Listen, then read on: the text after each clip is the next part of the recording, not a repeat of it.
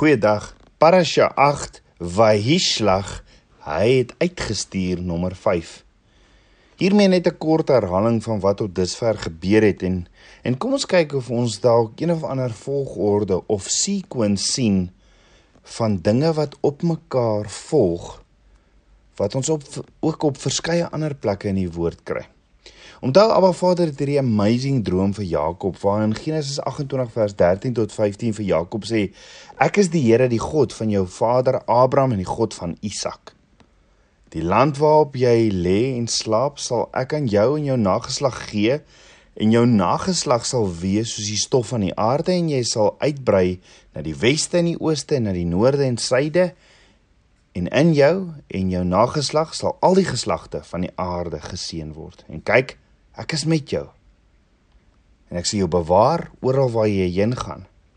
En ek sal jou terugbring in hierdie land want ek sal jou nie verlaat nie totdat ek gedoen het wat ek jou gesê het.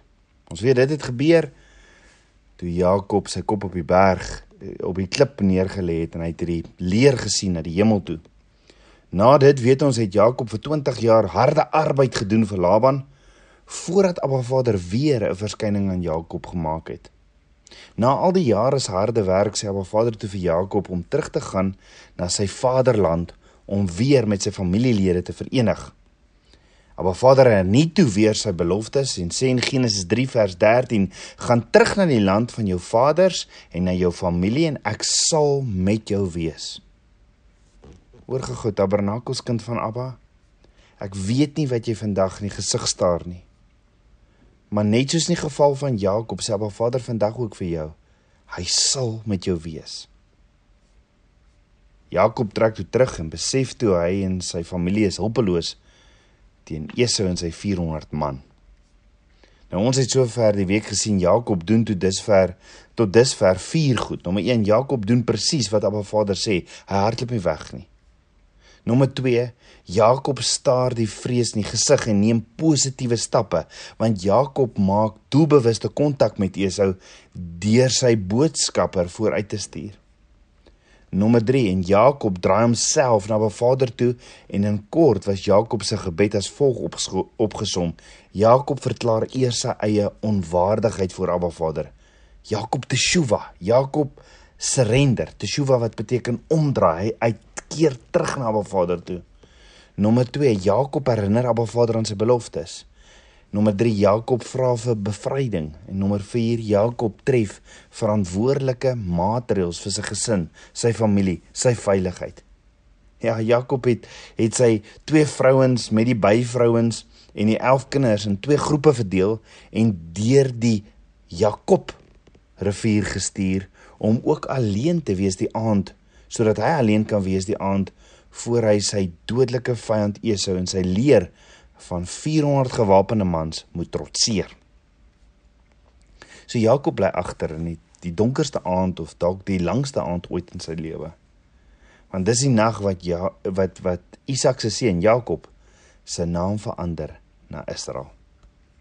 Miskien is hier baie meer van hom te leer as as wat ons dink want want iets het gebeur met die Jakob wat ons tot nou toe van geleer het. Daar was 'n sterwe en 'n wedergeboorte wat plaasgevind het want Jakob word 'n nuwe persoon met 'n nuwe identiteit en 'n nuwe naam. En jy sien dit begin alles by 'n belofte, 'n droom wat Abba Vader vir hom het en vir jou het. Maar jy sal nooit in die volheid van die droom kan stap as jy nie terugkeer en in verhouding saam met die Skepper van hemel en aarde stap in gehoorsaamheid nie. Oorgegaan. Jakob dink by homself na hy sy familie in twee deel in Genesis 32 vers 8. As Esau op die een laar afkom en dit verslaan sal die laar wat oorbly vry raak. En hy het self agtergebly en dit was inderdaad 'n baie donker nag wat vir Jakob Jakob voorgelê het. Ja, Jakob het meeste van sy besittings waarvoor hy hard gewerk het vir Laban gestuur as geskenke. Ag hy het dit vir vir Esau wat waarvoor hy hard gewerk het by Laban as geskenke vir Esau gestuur. Maar nou het hy self ook sy familie in twee gedeel.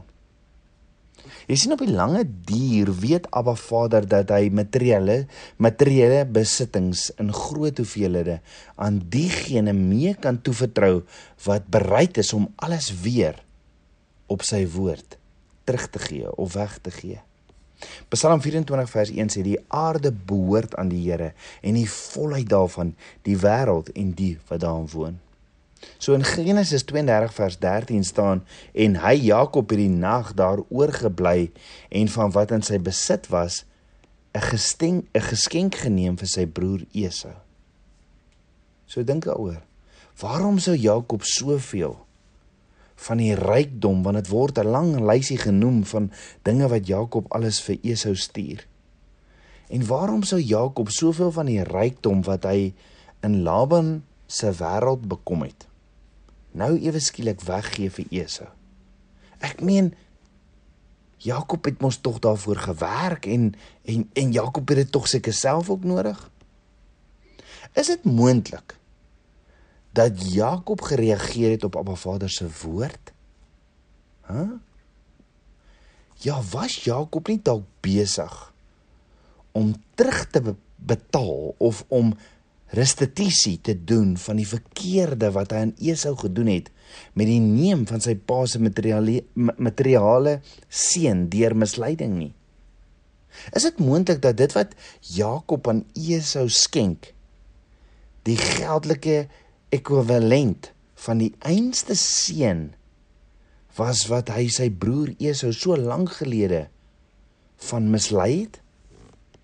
Het Jakob dalk totaal al teruggedraai en begin wandel in die weë van Abba Vader want onthou jare later sê Abba Vader in Levitikus 6 vers 2 tot 5 as iemand sondig en ontrou handel teen die Here deurdat hy teenoor sy naaste ontken dat hy iets aan hom toevertrou of as 'n pand gegee is of deur hom geroof is of dat hy sy naaste iets afgepers het of dat hy iets gekry het wat weg was en dit ontken of dat hy vals sweer ten opsigte van enige iets wat 'n mens kan doen om hom daarmee te bes besondig. As hy dan sondig en skuldig word, moet hy teruggee wat hy deur roof, ontvreem of deur afpersing verkry het of wat aan hom toevertrou was of verlore goed wat hy gevind het of alles waaroor hy vals gesweer het hy moet daar ten volle vergoeding voorgee en nog die 5 deel die vyfde deel daarvan byvoeg aan hom aan wie dit behoort. Moet hy dit gee op die dag as hy boete doen. Hoor gou hierdie terugbetaling van dit wat wat jy onregmatig by iemand gevat het word in Hebreëus shalom genoem. Dit is Abba Vader se ewige standaard van geregtigheid maar maar wat is shalom? Dis die handeling om alles wat jy verkeerlik geneem het terug te gee of om dit te vervang wat onder jou rentmeesterskap verlore gegaan het of beskadig is. Die doel van Shalom word dikwels na verwys as die vergoeding wat jy doen om nie net die persoon te vergoed vir die skade wat jy hom berokken het nie, maar om in werklikheid die ander persoon in 'n beter baie beter toestand of posisie te plaas as wat hy was voor jy hom verkeerd behandel of mis, mislei het. En die doel van Shalom is om saam met Abba Vader wat jou groter verbondsvernoot is, te werk om aan ander terug te besorg wat verkeerlik van hulle weggevat is. Met ander woorde, is dit moontlik dat Jakob in hierdie hele terugkeer na sy vaderhuis, amper soos 'n verlore seun, nê, dat hy ook teruggekeer het na 'n verbondsvernootskap wat Abba Vader nog altyd met hom wou gehad het, soos wat Abba Vader met sy oupa Abraham en met sy pa Isak gehad het. Dit lyk asof Jakob uiteindelik die hart van Abba Vader gehoor en verstaan het. Dit is wat die woord ons leer van Jakob se motivering om Shalom aan Esau te bring. En in Genesis 32 vers 20 waar Jakob sê: "Laat ek hom versoen met die geskenk wat voor my uitgaan en daarna sy aangesig sien, miskien sal hy my in guns aanneem. Yeshua sê Matteus 5 vers 9: Salig is die vredemakers. Dit wil sê vervaardigers van Shalom, want hulle sal kinders van God genoem word. So Jakob maak inderdaad vordering en sy gedaanteverwisseling in 'n seun van die verbond tree ewe skielik in werking. Die kenmerke van 'n verbondsvernoot van Abba en hierdie patriarg verskyn uiteindelik in beide sy gees en in sy vlees. So wat Jakob toe ook doen is is om sy familie, sy besittings deur die rivier Jabok te laat trek. Nou die naam Jabok is afgelei van 'n Hebreëse werkwoord wat beteken dat hy sal stoei. Maar hier is die vraag. Was hierdie net 'n gewone rivierkruising of was dit dalk 'n geestelike kruising wat elkeen van ons ook dalk moet doen? as ons waarlik terugdraai, as ons waarlik teshuva of repent na Abba Vader toe. As ons wegdraai van ons verkeerde weë, terugdraai na Abba Vader toe waar ons hom gehoorsaam, waar ons hom shema, Heer lus nou by. Want hoor gou-gou, met Esau en 400 man wat Jakob en sy familie gaan kom aanval. Wil dit vir my voorkom asof dit die domste ding of slegste militêre strategie en die natuurlike is om te doen want aan die ander kant van die rivier is is jy mos vasgevang tussen Esau se man en die water of die rivier wat wat wat jou los met geen heenwyse om na toe te vlug nie. Dit is dit is nie die beste plek om te wees in 'n natuurlike geveg nie, maar wat van geestelik? Want Paulus sê in Efesië 6 vers 12, want ons worstelstryd is nie teen vlees en bloed nie, maar teen die owerhede, teen die magte, teen die wêreldheersers van die duisternis van hierdie eeu, teen die bose geeste in die lig. In die natuurlike was Jakob se familie dalk nie in staat om hulle self te verdedig nie, maar hulle sou eh, hulle sou nêrens gehad het om heen te vlug as Esau en sy leer hulle sou aanval nie. Maar hoor gou geestelik. Geestelike was die deurgaan deur die Jabokrivier was dit nie dalk 'n mikwe nie. Tabernakels kind van Abba dalk net soos Jakob moet ek en jy en ons families dalk soos wat roog Kodes ons lei die Heilige Gees ons lei ook 'n mikwe neem as die vyand besig is om jou so aan te val. Maar wat is 'n mikwe 'n mikwe is 'n vrywillige onderdompeling vir vir geestelike doeleindes in 'n poel van vloeiende stroom lewende water. Maar hoekom was 'n mikwe op daardie oomblik in Jakob en sy familie se lewe so van kardinale belang? Hoor gou, volgens die Hebreëse ingesteldheid is 'n mikwe 'n integrale deel van teshuva. Teshuva wat beteken repent of bekering of terugkeer na die weë van Abba Vader, na intieme verhouding met Abba Vader. So 'n mikwe is 'n integrale deel van hierdie terugkeer, hierdie teshuva, hierdie terugkeer na Abba Vader se weë. Onthou en ons gaan later daarna kyk, maar maar voor die kinders van Israel by die berg Sinai gekom het om in Abba Vader se aangesig te verskyn en om sy stem te kon hoor, moes hulle ook eers deur 'n mikwa gaan, deur die Rooi See. Jy sien Ek sien ook verder in die woord Aaron en sy seuns se inlywing vir die priesteramp. By die inhuldiging het hulle met 'n onderdompeling in 'n mikwa gegaan en dit het alles plaasgevind. Hierdie inhuldiging was met 'n onderdompeling, 'n mikwa het het dit plaasgevind. Maar die toe die tempel later gebou is in Jerusalem, was dit nie net die priesters nie, maar elke persoon wat toegang wou hê in Abba Vader se teenwoordigheid in is eers in 'n mikwa gedompel. Toe Johannes die Doper mense geroep het om na die Jordaanrivier toe te kom, het hy hulle geroep om 'n mikwa te doen. 'n Mikwa is 'n simbool, 'n simboliese totale onderwerping aan Abba Vader se wil, se woord en sy weë. Dis 'n vrywillige oorgawe van alle aspekte van wie jy in die baarmoeder van die skepping is. Die waters van die oorvloed waaruit Abba Vader alle dinge geroep het.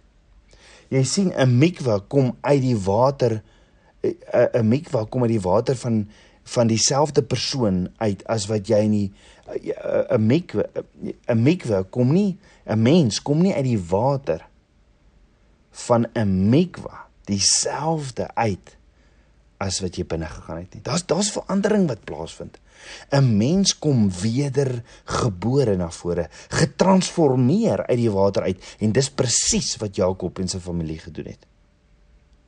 Dan hoor gou wat beteken Jabok ook. Jabok beteken ook emptying or pouring out. Met ander woorde, die mikwe wat Jakob en sy gesin op daardie oomblik deurgegaan het, was nie net 'n voorbereiding vir die worsteling met die engel nie, maar was 'n leegmaak, was 'n uitstorting van hierdie eie ek en hierdie eie wil. Dis 'n doodgaan aan jouself en Romeine 6 vers 1 tot 4 sê, wat sal ons dan sê? Sal ons in die sonde bly dat die genade meer kan word? Nee, stellig nie. Ons wat die sonde afgesterf het, hoe kan ons nog daarin lewe? Of weet julle nie dat ons almal wat in Yeshua Messia gedoop is, in sy dood gedoop is nie?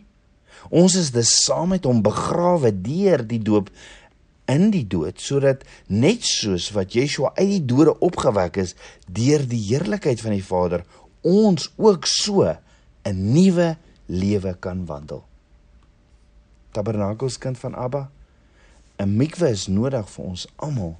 En die mikwe van Jakob se familie, die huis van Israel, was mos natuurlik ook 'n skaduwee van die kinders van Israel wat baie jare later ook deur 'n mikwe sal gaan deur die eh, Jordaanrivier die beloofde land in. So Petrus sê ook in Handelinge 2 vers 38 Bekeer julle en laat elkeen van julle gedoop word in die naam van Yeshua Messie tot vergifnis van sonde en julle sal die gawe van die Heilige Gees ontvang. So om oor te ponder. Het hierdie mikwe enigsins iets te doen gehad met Jakob se naamverandering? Kom ons bid saam. Aba Vader, koning van my hart, ek loof en prys U. Vader, dankie dat U 'n droom het vir elkeen van ons. Jeremia 1 vers 5 en dat u ons roep terug na u toe. Vader dat u grootste hartsbegeerte is dat ons saam met u sal dat ons saam met u sal wandel in intimiteit en in verbond. Vader, hier is my alles. Ek gee myself aan u. I surrender my all. Vader, vergewe my, was my en kom leef u droom in my. Meer en meer van u. Ek bid dit alles in Yeshua Messie se naam die seun van Jahweh. Shalom.